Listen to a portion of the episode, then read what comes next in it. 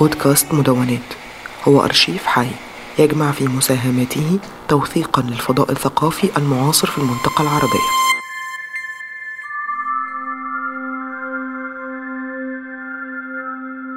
مرحبا بكم في هذه الحلقة الجديدة من بودكاست رف خلفي. في هذه الحلقة نتكلم عن الهوية والانفصال. عندما انتقلت من سوريا إلى الأردن بعد الثورة السورية ومع مرور الوقت بدأت باستخدام اللهجة الفلسطينية أو لهجة جنوب سوريا درعا. كان هذا لإخفاء هويتي مع أي شخص يريد أن يدلو بدلوه في القضية السورية. لكن مع انتقالي إلى ألمانيا كان هناك أنواع من العرب الذين يرفضون تكلم العربية منها أسباب تتعلق برغبة انفصال الأجيال المهاجرة السابقة عن كل ما هو عربي واعتباره وصمة. في حين يبحث البعض الآخر عن من لا تزال لديهم لهجاتهم المحلية حية ليستعيدوا معها ذاكرتهم القديمة. قد يكون كتاب خارج المكان لإدوارد سعيد من الكتب المهم استحضارها عند التحدث عن الهوية. لكن دعونا نستمع هنا إلى نظرة في هذا الكتاب من المفكر والناقد المغربي عبد الفتاح كليطو متحدثا عن سعيد واللغة وارتباطها بالهوية. في مدرسته الأمريكية حاول التقرب من مستر إدموند ألكسندر. مدرب التنس وأستاذ اللغة الإنجليزية. ولأن مستر ألكسندر من أصل عربي قضى مدة في القاهرة. فقد خطبه سعيد بالعربية. فكان جوابه بالإنجليزية لا يا أخي لا عربية هنا. نقرأ في صيغة خارج المكان للحدث أنه وجه وجه كلامه بداية بالإنجليزية إلى ألكسندر الذي رد عليه بفظاظة ولم يبال به. فقام سعيد حينئذ بتغيير لغة خطابه للتقرب منه والتودد إليه. انتقلت إلى العربية ظنا مني أن لغتنا الأم قد تفتح سبيلا أرحب للتواصل بيننا. فإذا النتيجة عكسية. فقد قاطعني في منتصف عبارتي رافعا يده اليمين لا يا أخي لا نتكلم اللغة العربية هنا. لقد خلفت كل هذا ورائي. نحن هنا أمريكيون. يتوجب علينا أن نتحدث وأن نتصرف مثل الأمريكيين. ارتكب ألكسندر في كلامه خطأين بين مزدوجتين لغويين اثنين. يقوم سعيد سعيد بتصحيحهما بينه وبين نفسه وبينه وبين القارئ طبعا معلقا عليهما بشيء من بشيء غير قليل من الخبث. الخطأ الثاني نبدأ بالخطأ الثاني. الخطأ الثاني هو قوله نحن هنا. الخطأ الثاني هو قوله نحن هنا أمريكيون. يسر سعيد إلى نفسه وإلى القارئ هذا تعبير عربي. بدلا من أن يقول إننا في أمريكا الآن. في النص الأصلي لخارج المكان عبارة نحن أمريكيون وردت بالإنجليزية على شكل Here we are Americans وهنا يتعين علينا أن نتساءل. هل كلمة نحن هنا؟ نحن أمريكيون. هل, نح... هل كلمة نحن تحيل في ذهن مستر ألكسندر إلى المثنى أم إلى الجمع؟ هل كان يقصد بها أنا وأنت نحن أمريكيان؟ أم كان يقصد بها سائر العرب المقيمين بأمريكا أو الحاصلين على جنسيتها؟ أغلب الظن أنه كان يقصد المثنى لأنه إن قصد الجمع فإنه سيكون قد عقد أواصر قرب بالعرب. بينما هو يكره يكرههم ولا يود أن يشم رائحتهم. هذا فيما يتعلق بالخطأ الثاني الذي ارتكبه ألكسندر. أما الخطأ الأول فهو قوله لا يا أخي. يهمس إدوار سعيد في أذن القارئ. فكرت بيني وبين نفسي هذه عربية هذه عبارة عربية صرفة مع أنه نطق بها بالإنجليزية. وبالفعل يا أخي تعبير عربي يفهمه حرفيا لا مجازيا من لم يعاشر العرب بينما يدل فقط على المودة والألفة. في هذه الحلقة نناقش الشعر المغربي أو الأمازيغي كما عرفت لاحقا عبد الرحيم الخصار حول ثيمة الانفصال عن الهوية. ضمن الحوار نستمع إلى مقاطع من قصيدته الأمازيغي مصحوبة بقطع موسيقية لكنان عظمة وديما أورشو. أنا حفيد الملك الأمازيغي القديم.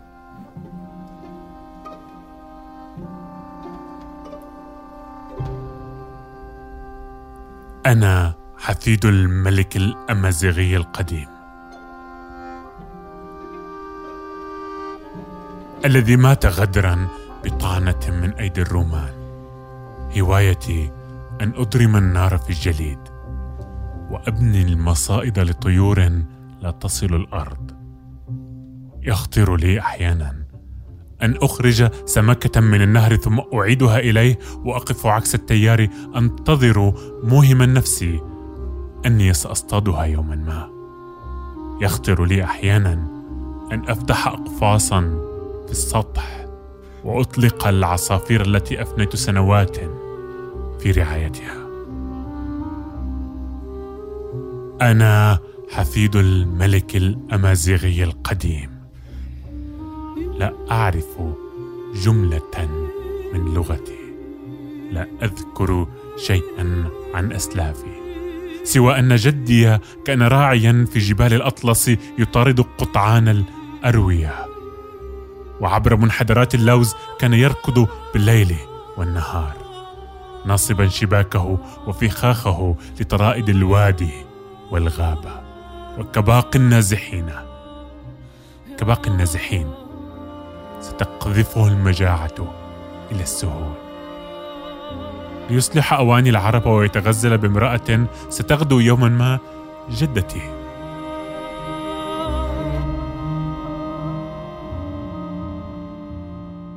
مرحبا مرحبا. في نص لعبد الفتاح كليتو يتحدث فيه عن شخص تاه عن منزل وجوده في صحراء قاحلة وافتقد لكل أثر يمكن أن يقوده إلى منزل وجوده الأصلي. يقوم التائه بجهود مضنية للبحث عن العودة، عن طريق العودة. لكن الصحراء المخفرة تخفي كل آثار أو معالم طريقه. تتعدد المحاولات وتتكرر لكنها تنتهي إلى الفشل. بعد تفكير طويل لهذه الشخصية ينتهي إلى تقليد أصوات كلاب القبيلة املا في أن ترد عليه اهتداء لموطنه. آه، صديقي عبد الرحيم آه، كنت قد سالتك قبل أن تشاركني الحديث عن سؤال الهوية عن الانفصالات المغرب الثقافية عن العالم العربي لعلمي بانشغالك بها كشاعر مغربي له له اسم ووصل مع بلاد الشام ومصر وغيرها لكن لكن فوجئت في في حديثي معك أنك تحدثني أن هويتك الأصل هي أمازيغية فما هي هذه القصة؟ وأنت تتحدث عزيزي أحمد في تقديمك لحكاية كيليتو ذكرتني ب كلمة كتبها الشاعر وديع سعادة يعني عن ديواني الصادر في مصر قبل تقريبا ثمان تسع سنوات. وقال آه، بالعبارة يعني أحسب أن عبد الرحيم الخصار عش قديم على غصن شجرة مريضة بالحنين يواصل التغريد وفاء للطائر الميت. هذا ينسحب ربما على جل شعراء العرب وعلى العرب جميعا يعني شعراء وغير شعراء. أقصد هذا المرض المرض بالحنين. قد يكون الحنين حالة طبيعية لدى كل كائنات على هذا الكوكب لكنه عند العرب متلازمة ومتلازمة حادة. أعرف أصدقاء آه، قدموا من البادية من الفقر والفراغ والبؤس الكبير. وذهبوا للعمل في أمريكا وفي كندا وفي دول اسكندنافيا وفي غمرة الرفاهية التي عاشوا أو التي يعيشون هناك يحنون لمكانهم الأول الذي لم يعد في أي شيء تقريبا. تجد الواحد منهم من قلب آه، فرانسيس سكوير أو بسان فرانسيسكو أو أو هولاند بارك بلندن أو لا جراند بلاس ببروكسل أو ترومسو في النرويج أو حتى من جسر القبولات في بيترسبورغ يحن إلى بيته المتهالك في باديته حيث لم يعد يوجد سوى كلب وعربة بدون دابة وبقايا جدران وجفاف و يعني بؤس حقيقي. هذه أشياء هذه ثيمه أساسية. ثيمة أساسية بني عليها الشعر الشعر الجاهلي العودة إلى الأطلال وهي حتى مطلع لأي قصيد لقصائد كثيرة فكرة العودة فكرة العودة إلى هذا الطلل. يعني حتى نحن من بيئة بدوية حتى ونريد صح. العودة إلى إلى إلى الأطلال والتغني بها. صح. وهذه أشياء يعني يصعب تفسيرها. لذلك لا نستغرب تقليد آه، الرجل في حكاية كليتو لنباح كلاب قبيلة من أجل العودة للقبيلة. فأنت كما أشرت يعني النباح ظاهرة عربية قديمة وأبدية على ما يبدو سواء تعلق الأمر بالتيه في صحراء أو في جنة. الإنسان العربي مريض بالحنين. الحنين حتى إلى البؤس حتى إلى إلى إلى إلى يعني الأشياء المضنية والشقاء يحن حتى إلى شقائه بمجرد أن هذا الشيء ينتمي إلى ماضيه أو إلى طفولته. حكايتي أنا يعني تختلف إلى حد ما. آه، فيها حنين صح ولكن فيها أيضا يعني جانب عنده بعد آه، أنطولوجي ووجودي وحتى إذا صح التعبير مسألة فلسفية لأنه حكاية الأمازيغية أني آه، جدي أمازيغي جاء شابا جاء عازبا إبان المجاعة التي عرفها الجنوب في بلاد المغرب في عشرينيات القرن الماضي. وجاء أعزل يعني لا نعرف لا أباه ولا أمه ولا جده ولا أي شيء نعرفه هو فقط. وتزوج بامرأة كانت تطبخ الخبز في زاوية دينية صوفية اسمها الزاوية البوسونية. تزوج بها وولد أبي ويعني أنا سأتي لاحقا.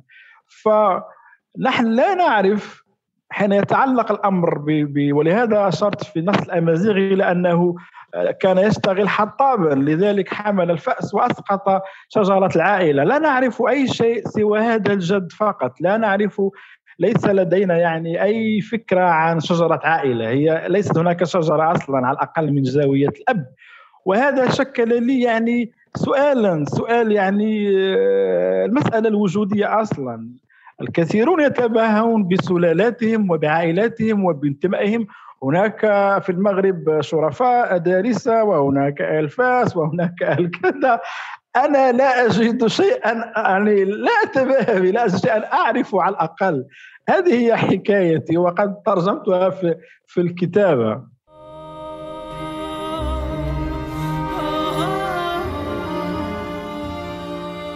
أنا حفيد الملك الأمازيغي القديم. لا كتاب يذكر شيئا مما أنتظر.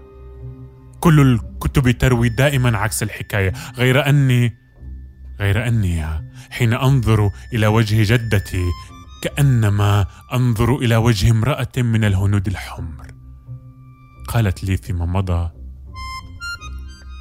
أنت حفيد الجبال. فاتجهت إلى الجنوب كما يتجه أركيولوجي إلى الصحراء بلا خريطة. سألت الشيوخ والعرافين والرعاة والحكماء. سألت مطارد الليل والباحثين عن الدفائن وحفاري الآبار. تقفيت آثار السلالة في السفوح وعلى مقربة من الأفلاج في منعرجات القرى ومشاعاتها في الكهوف والمداشر والمغارات. لم أسمع سوى رجع صوتي.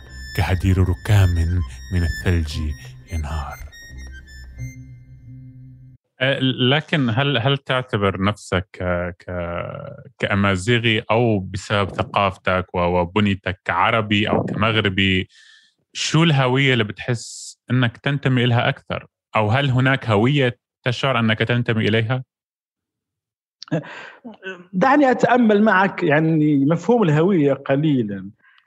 ليس من باب التأويل والتحليل وإنما فقط من باب إدراكنا نحن للمفهوم حين أقول نحن آه، أجدني بالضرورة قد وقعت في فخاخ المفهوم.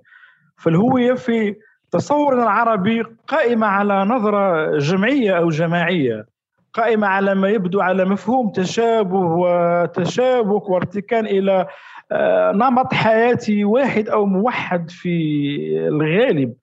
أنا دائما كان المفهوم يستفزني يعني لم أكن آه، جميلا ولم يكن هو أيضا جميلا معي.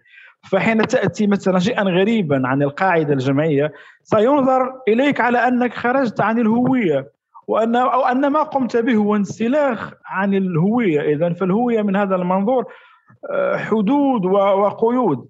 الكتابة بالنسبة إليه هي محاولة لتكسير هذه القيود وتجاوز أو الخروج عن عن هذه الحدود. حين تحدثت يعني عن المسألة الأمازيغية مثلا في الشعر كنت أقصد تجربتي في الحياة.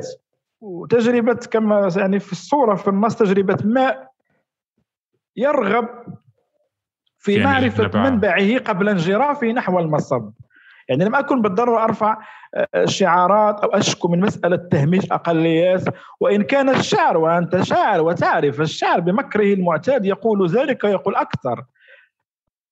قبل يعني قبل كتابتي هناك قراءاتي فأنا رجل ذو مرجعية قرائية يعني متنوعة جدا إذا جاز هذا التعبير.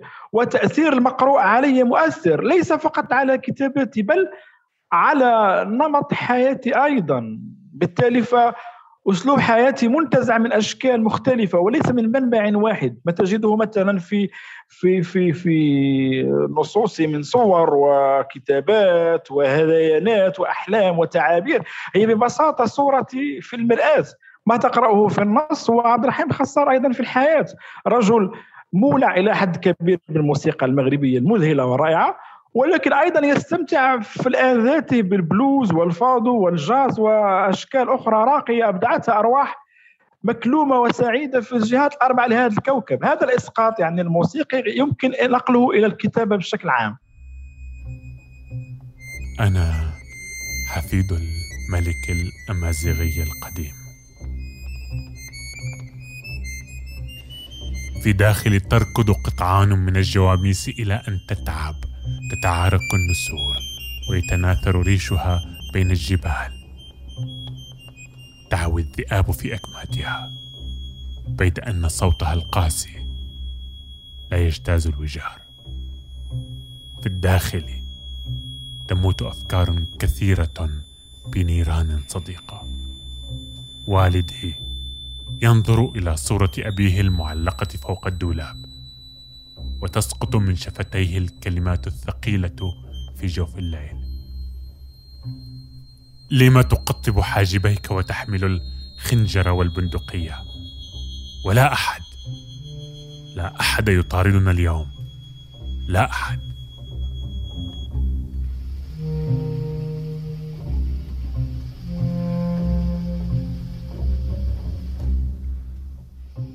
لماذا تركت الآخرين وتدحرجت من الجنوب؟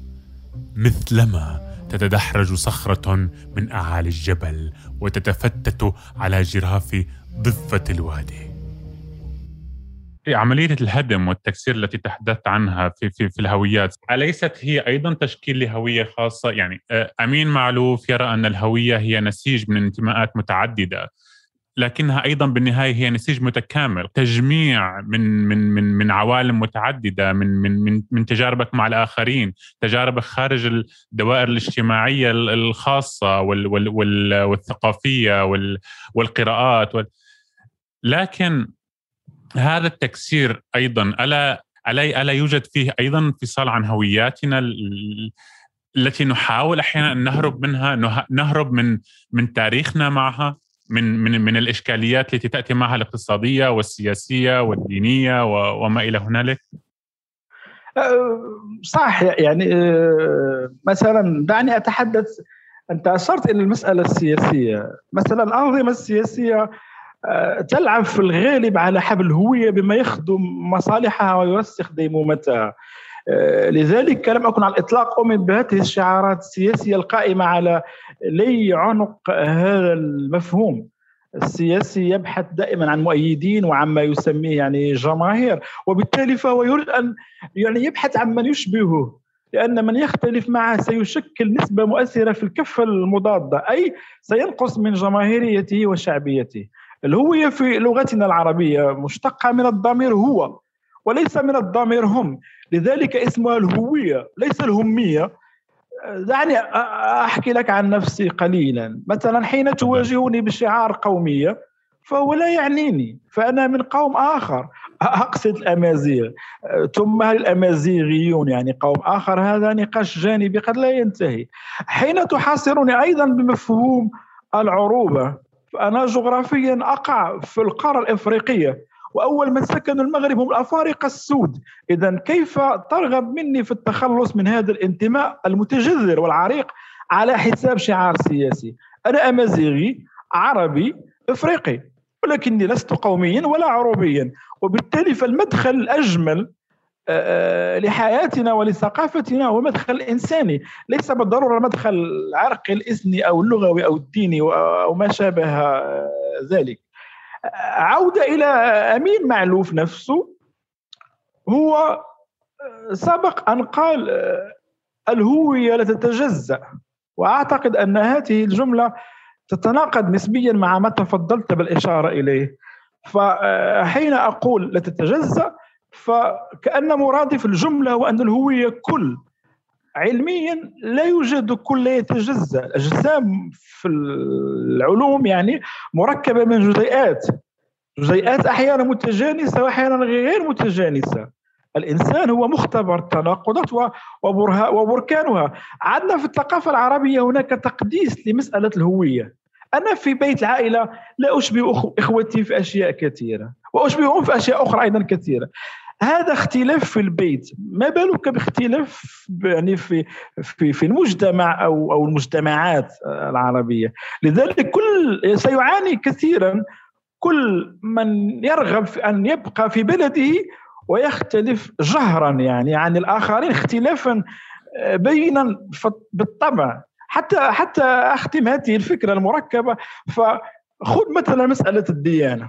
هي جزء من الهوية. فكر في تغيير ديانتك بالعالم العربي. هذا يسمى الردة وحد الردة القتل. يعني إذا اختلفت عنا في الدين سنقتلك.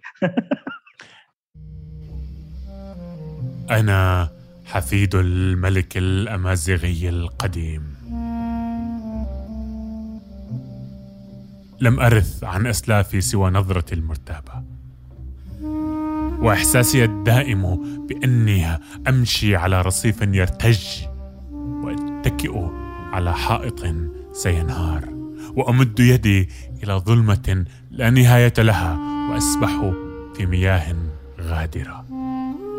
فماذا أفعل فيك أيها العالم وكل املاكي قلم وورقة؟ أسهر الليالي اشذب الكلمات. أناشد صورا في الألبوم أن ترقص معي وأفتح نافذتي في عز الشتاء على نوافذ مغلقة. يركض الناس متلهفين باتجاه الحياة وأنا يجرفني التيار باتجاه حياة أخرى. يهتف الناس بأسماء بعضهم كما لو أنهم قديسون وأنا أفضل أن أحيا صامتا على أن أهتف باسم أحد أن أكون أعمى. على أن أبصر مواكب العدة تمر بزهو أمام بيتي. أن أكون أصم على أن أسمع نشازك أيتها الحياة. أجد هنا مثلا فجوة كبيرة ما بين ما بين العالم المغربي وبلاد الشام ومصر. لماذا يعني هناك فجوة. أنا ك... ك... عند... عندما عندما كنت صغيرا لم أكن أسمع الكثير عن المغرب أو أو حتى عندما أقرأ الآن أو حتى حتى الآن عندما نقرأ في في بلاد الشام من النادر ان ان ان أن نفكر أن نقرأ لشاعر مغربي نقرأ للبناني لمصري ليمني لعراقي. آه، هذا إشكال يعني عميق جدا وأيضا هو إشكال مركب. حتى في المغرب لما كنا في المدرسة حين كنا نسمع كلمة شاعر فينبغي أن يكون هذا الشاعر مصريا أو لبناني أو فلسطيني أو سوري ويستحسن أن يكون ميتا حتى يكون شاعر يعني. فشيء يعني آه، المدرسة حين بدأت في المغرب مدرسة أيضا عمومية آه، جاءت بالمشرق كاملا إلينا ولم تنتبه إلى المغرب نفسه إلا لاحقا وهذا صراع ما يزال حتى الآن مستمرا. هذا آه، خلل المغرب. خلل المشرق نفسه هو أنه في مرحلة من المراحل كانت هناك نزعة مركزية فيها نوع من الإحساس بعلو الكعب والنرجسية. عند الكثير من أصدقائنا في المشرق وكان هذا عنده يعني أنا أنا أعاتب كثيرا الجامعات يعني بشكل أساسي. لا أتحدث عن نقاشات المقاهي والحانات والجلسات الحميمة بين الكتاب أنفسهم ولكن الجامعات الجامعات المشرقية في في في سوريا في لبنان في مصر في الأردن حتى في الخليج العربي كان عليها أن تنتبه باكرا للثقافة المغربية أن توجه الباحثين والطلبة إلى إلى هذا المجال، نحن في المغرب تعرف أنا درست في الجامعة في التسعينيات كل البحوث التي كانت في الجامعة المغربية كانت عن عن نفس الاسماء المشرقية بالأساس حتى في الشعر الحديث. كنا ندرس يعني الطلبة يعدون البحوث.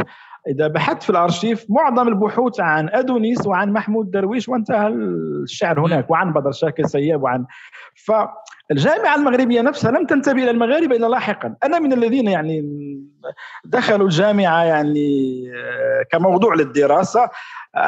بشكل يعني جميل جدا. في العشرين سنة فقط الأخيرة أو 15 سنة الأخيرة فقط أو يعني عقد عقدين. آه، أن تبحث أو أن تدرس يعني شاعر مغربي في الجامعة كان هذا شيئا يعني وكأنه جرم. أنا أنا يعني أبحث لك عن عن أسباب. حتى المغاربة أنفسهم كان عندهم هذا الخلل أنه خلل فقدان ثقة في الذات. جاء الجين وأنا أنا أنتمي أيضا إلى هذا الجين مع أن المشتغلين المغاربة في اللغة هم آه، أعني ان أن المشتغلين في اللغة عموما المغاربة لهم لهم باع طويل. عندما نقرأ في النقد أو أو حتى بالربط ما بين الفلسفة واللغة نذهب إلى المغرب. لكن عندما نتحدث عن الأدب المغاربي هناك أشعر أن هناك فجوة ما. هناك سببا اساسيان الأول هو ما أشرت له مسألة التواصل. هذه مسألة التواصل لا من طرف المشارقة ولا من طرف المغاربه هذا موضوع آه، نتجاوزه. المسألة الثانية هي قيمة هذا الأدب المغربي نفسه. الشعر المغربي بدأ تقليديا. حتى في الحداثة بدأ تقليديا ويجتر ويكرر. حتى لا نكذب على أنفسنا. يعني في المغرب المرحلة التي كان فيها شعراء يعني مدرسة البحث والإحياء مثلا في مصر لم يكن هناك أي شيء يقابله في المغرب. كان هناك تقليد وكان هناك فقهاء وقصائد يعني لا تحمل ما تحلم به كدولة تفكر في في ثقافة أو في رؤية معينة. يعني لم يكن لدينا شعر قوي. هذه حقيقة. لم تكن لدينا رواية قوية. في العقود الأخيرة بدأ الأدب المغربي يتقوى. هذا شيء واقعي. فالأدب إذا كان ضعيفا لا ينتبه إليه. في الفترة الأخيرة العقود الأخيرة بدأ الأدب المغربي يفرض نفسه. الآن اصبحت أصبحت مثلا تسمع يعني حضور قوي للرواية المغربية في المشرق وحضور أيضا قوي للشعر في المشرق. فالشعر مثلا الذي كتب على الأقل في العقود الثلاثة الأخيرة في المغرب أصبح منفتحا على الثقافة العالمية. انتبه إلى جارته الإسبانية. هناك ثقافة مذهلة الثقافة الإسبانية مذهلة جدا. انفتح على على العالم وعلى أيضا على جذور الإفريقية كذلك. فالكتابات الآن التي تكتب في المغرب يعني تضاهي ما يكتب في بقاع العالم مشرقا وشمالا وجنوبا. دعني أنتقل إلى نقطة أخرى الهوية والمكان. من جهة يتحدث إدوارد سعيد الذي كان ابدا ثنائي اللغة ما بين الإنجليزية والعربية وعلى الرغم من بنبته ومحيطه غير العربي إلا أنه وبحسب قوله عربي أدت ثقافته الغربية إلى توكيد أصوله العربية. تغير المكان هنا لم ينتج عنه تغيير الهوية لسعيد. في الوقت الذي يرفض فيه الموسيقي السوري العالمي عابد عزرية الذي من أصول سورية وحلبية خاصة ويقول أنه خرج من سوريا صغير السن وإنتاجه انتشاره هو سببه مساند البيئة الجديدة اللي هي فرنسا باريس المدينة التي احتضنته على الرغم من أن أعماله أو موسيقته تعتمد على على على على الثقافة العربية القديمة على أشعار على الأشعار الصوفية هل الهوية الإنسانية أو الهوية الشخصية يحد يحددها المكان برأيك؟ أو هل تؤثر عودة إلى إليها المشاكل السياسية والاجتماعية والاقتصادية كردات فعل على على التنصل من هذه الهوية أو تعميقها؟ والله حسب آه، طبيعة الشخص وقدرته هو وشخصيته ومدى قوتها. لأني أعرف أشخاص يعني آه، هويتهم ترسخت أكثر حينما ذهبوا إلى المنافي. يعني مثلا أصدقاء لما كانوا في المغرب كان ما عندوش أي انتباه لمسألة يعني لهويته أيضا. فلما ذهب إلى أمريكا على سبيل المثال صار مغربيا أكثر. وهناك من انسلخ. خل... خليني أعطيتني نموذج أنت ل... لعابد عزرية لأني حضرت له سهرة مباشرة في فرنسا. قبل 11 أو 12 سنة في صيف 2009 في جنوب فرنسي حضرت سهرة لعابد عزرية. كانت اول أول يعني مرة وبعد لا, لا أخفيك يعني بعد نصف ساعة غادرت المكان. لم أستطع متابعة غنائه الذي بدا لي فيه يعني أتحدث بشكل فردي طبعا بدا لي فيه الكثير من التجارة لا الفن. يعني كيف تحاول الانسلاخ وأنت تحكي لي عن هذا عما عبر عنه يعني قبل قليل؟ يعني كيف تحاول الانسلاخ من أشياء هي على الأقل سبب رزقك؟ لماذا لم يغني عابد عزري السلو الفرنسي أو الكلاسيك أو السيلتيك أو الهيب هوب فرنسي أو إذا كانت فرنسا قد منحته كل شيء فلماذا لم تمنحه الغناء؟ لا يعني لا أرغب ولا أريد أن أتحامل على الرجل فقط أحاول عبر نموذجه أن أقول أن إن ثمة أشياء راسخة فينا يصعب تخطيها ويصعب الانسلاخ منها وهذه الصعوبة غير متعلقة بالمقدرة بل بخصيصة الوفاء الوفاء لأشياء صنعت منك ما أنت عليه وهذا الصنع يكون أكثر وأعمق وأشد رسوخا في مرحلة الطفولة فحين بلغ هو يعني عابد عزري 16 سنة كان كل شيء فيه تقريبا قد تشكل. أعتقد أن أهم عنصر هو اللغة. حين تكبر فيك اللغة العربية يكبر معها التاريخ والتراث والمعرفة الدينية وغيرها. وبالتالي آه، هذا النوع من التبرؤ أو التنكر أصلا يعني يبدو لي لا يشرف أي فنان. لماذا كلمة يشرف؟ هنا أعطينا أيضا مجددا للهوية قدسية معينة أو للهوية الأصل قدسية معينة أنا أنا أنا كشخص لا لا, لا أرى أيضا أن أن هوية عابد عزرية هي شكل من أشكالها هي هوية عربية حتى لو رفض هو ذلك لأن الموسيقى التي يغنيها حتى وإن انفصلت عن عن المقامات الحلبية الا الا إلا أنها متجذرة من هناك هناك هناك ذاكرة مع اللغة التي تحدثت عنها مع مع الموسيقى مع الكلمة وكيفية بناء هذه الموسيقى. لكن لماذا نشعر أو أشعر إنه عندما يتحدث الشخص عن التبرؤ من هذه الهوية أو أو يريد أن ينسلخ عنها نرى أنه جاحد لها. أليس هذا أيضا أنا في رفض؟ لا لا هو شوف أنا فقط قمت بمقارنة بين كلام الرجل وما هو عليه. هناك نوع من التناقض. لو أن عابد عزري قلت لك يعني قال أنا منحتني فرنسا كل شيء وذهب يغني أغاني سلو الفرنسيه لا فهمناها. أنت تغني يعني الحلاج وتغني التراث والتصوف والشعر العربي القديم ويعني كيف؟ هل منحتك فرنسا هذا الشعر العربي القديم؟ منحته لك بلادك يعني طفولتك وتربيتك. هذا هو هذا التناقض هو ما ما يبدو لي يعني شيء غير منسجم. أما أن الإنسان يقطع مع شيء ويبدأ شيء آخر فهذا يعني له كامل الحريه أما أن يقول الكلام يعني يقت... أنت تقول أنت نحن نقول باللغة الدارجة هذا يسب الملة وياكل الغلة. هذا شيء هذا التناقض هو هو ما ما اضع اصبعي عليه. أما أنا نفسي أشياء كثيرة تبدو لي محط سؤال وهذا ناقشته في بداية الحلقة. هناك أشياء كثيرة محط نقاش. لأننا نتكلم عن هويه هوية جمعية. نعم. والهوية الجمعية دائما فيها مداخل خلل. لأن كل فرد يختلف عن الآخر حتى في بيته. ربما ربما اعتاد اجدادي الجلوس في أعالي الجبل خوفا من غدر السفوح. لذلك لذلك أحيا في غرفة على السطح.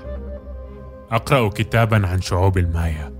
أسمع أغنية لأحفاد آشور. أطيل النظر إلى السماء وألملم شتات النجوم. اجلس مثل بومة على كتف العالم وأخاف أن أسقط. فتدهسني اطرافه أخاف أن تجتثني يد ما وتطوح بي إلى سهب سحيق. آه، دعني أنتقل لسؤال أخير. الهوية في الأدب والشعر لماذا هل ترى أن هناك حاليا بعد هذا هذا التلاقح الأدبي والفكري العالمي وانفتاح ال social media؟ الآن ترى حتى من أفضل الشعراء العرب أحياء موجودين ومتفاعلين حتى على فيسبوك كوديع سعادي على سبيل المثال الذي ذكرته. وهذا التقارب الذي أصبح والسفر والترجمات هل لا يزال هناك شيء اسمه شعر مغربي أو شعر سوري أو شعر مصري أو شعر لبناني؟ أو حتى شعر ألماني أو هل ترى أن هناك هوية جمعية لهذا الشعر في في عناصر محددة تجمع مثلا الشعر المغربي الحديث أو السوري الحديث أو العراقي آه. الحديث؟ هذا سؤال ذكي وجميل جدا تعرف أنه وسائل التواصل الحديثة بدءا بدءا من وسائل النقل نفسها الحديثة التي قربت العالم إلى وسائل التواصل إلى إلى إلى زمن وأنا أسمي يعني كانوا يتحدثون عن العالم ما قبل الكهرباء وما بعد الكهرباء. أنا أقول العالم ما قبل الإنترنت وما بعد الإنترنت. العالم بعد الإنترنت خطى خطوة مذهلة إلى إلى إلى إلى تقريب مسافات في كل شيء. هذا التقريب تقريب المسافات يعني المعاملات التجارية والاقتصادية والمسائل السياسية والاجتماعية والتواصلية أكيد ستنجم عنه تقريب للثقافات فنحن لم نكن نطلع على آداب العالم مثل ما نطلع الآن عليها. نطلع الآن على ما يكتب بشكل يعني سريع وراهن في كل أرجاء العالم. يكفي أن تجيد لغتين أو لغة واحدة وتعرف تقريبا وتقرأ يعني معظم ما يكتب عبر العالم. هذه هذه القدرة على على على التواصل وعلى يعني أذابت حتى الفروقات. القصيدة العربية لم تعد تختلف في الغالب عن نص القصيدة العربية الجديدة أتحدث بالضبط. لم تعد تختلف عن نص يكتب في أستراليا أو في تكساس أو في الآن تقرأ قصائد يمنية تحذف الاسم فتعتقد أنها لشاعر مثلا فرنسي. آه هذه المسألة وأتذكر هنا يعني نظرية من نظريات الهوية تسمى نظرية آه، تشيكيرنيك يتحدث فيها هو عن عن عن الهوية الفردية طبعا التي يتم يعني يتم تنميتها وفق سبع متجهات. هذه نظرية ليس وقت يعني للحديث عنها ولكن عنده عنده المتجه السابع يعني آخر متجه في, في, في تنمية الهوية يسميه متجه النزاهة. وقسمه إلى ثلاث مراحل هي تصف ما نحن فيه الآن. بصدد يعني. ويتكون هذا المتجه من ثلاث مراحل يحكمها تسلسل زمني. اولا انسنه القيم ثانيا شخصنه القيم ثالثا توأمة القيم. يعني بعد التخلص من الشعور المتحجر إزاء قيم معينة يعني في البداية يصل المرء إلى مرحلة ثانية هي تنمية القيم الشخصية المعبر عنه كفرد. ثم المرحلة الثالثة هي المواءمة بين القيم الشخصية وقيم الآخرين مهما اختلفت ومهما تناقضت. ولهذا تحس أنك اليوم تجد تجد يعني لا مف يعني عفوا آه، مفهوم أو أو تيمة أو مفردة المواءمة موجودة حتى في الكتابة. هناك الآن مواءمة في أشكال الكتابه الشعرية. وأنت أشرت قبل قليل لمسألة أن العالم يعني آه، تواصل عبر العالم أنا اتاح لي مثلا السفر واتاح لي اللقاء بأطياف إنسانية متباينة. أن تتكون عندي نظرة شاسعة للإنسان وقدرة هائلة على قبوله وعلى التفاعل معه ومع ثقافته بغض الطرف عن كل نقط الاختلاف. فتمت دائما نقط التقاء في ثقافاتنا يمكن أن نبتهج آه، بها. وحتى نحتفل أيضا بنقط اختلافنا. صديقي عبد الرحيم الشاعر الجميل جدا. شكرا شكرا جزيلا لك على هذا الحوار الشيق. الله يبارك فيك عزيزي واستمتعت بهذه بهذا النقاش معك. شكرا. إلى اللقاء.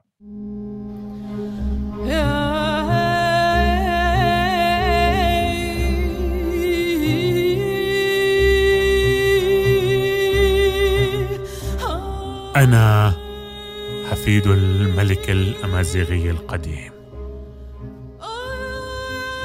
الذي ساد هذه الأرض قبل ألفي عام والذي لا أملك له صورة على جدار غرفتي فقط أتخيله شبيها برجال الأساطير بصولجان من عاج الفيلة وتاج من الريش والذهب.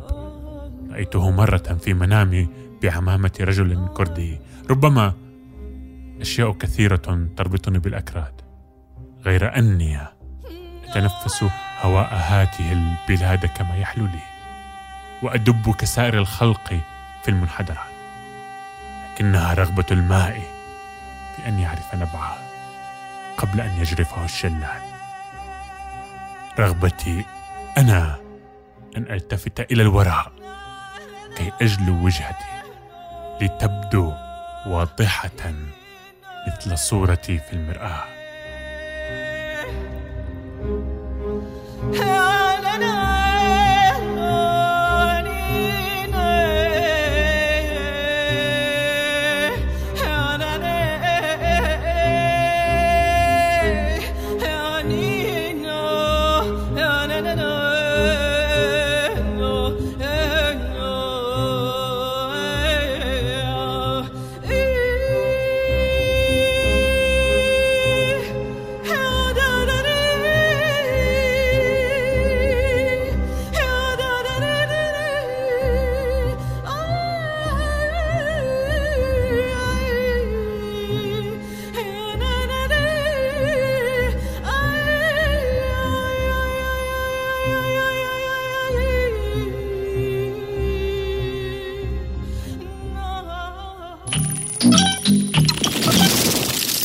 هذه الحلقة من مشروع مدونات هي من إنتاج المورد الثقافي والمجلس الثقافي البريطاني.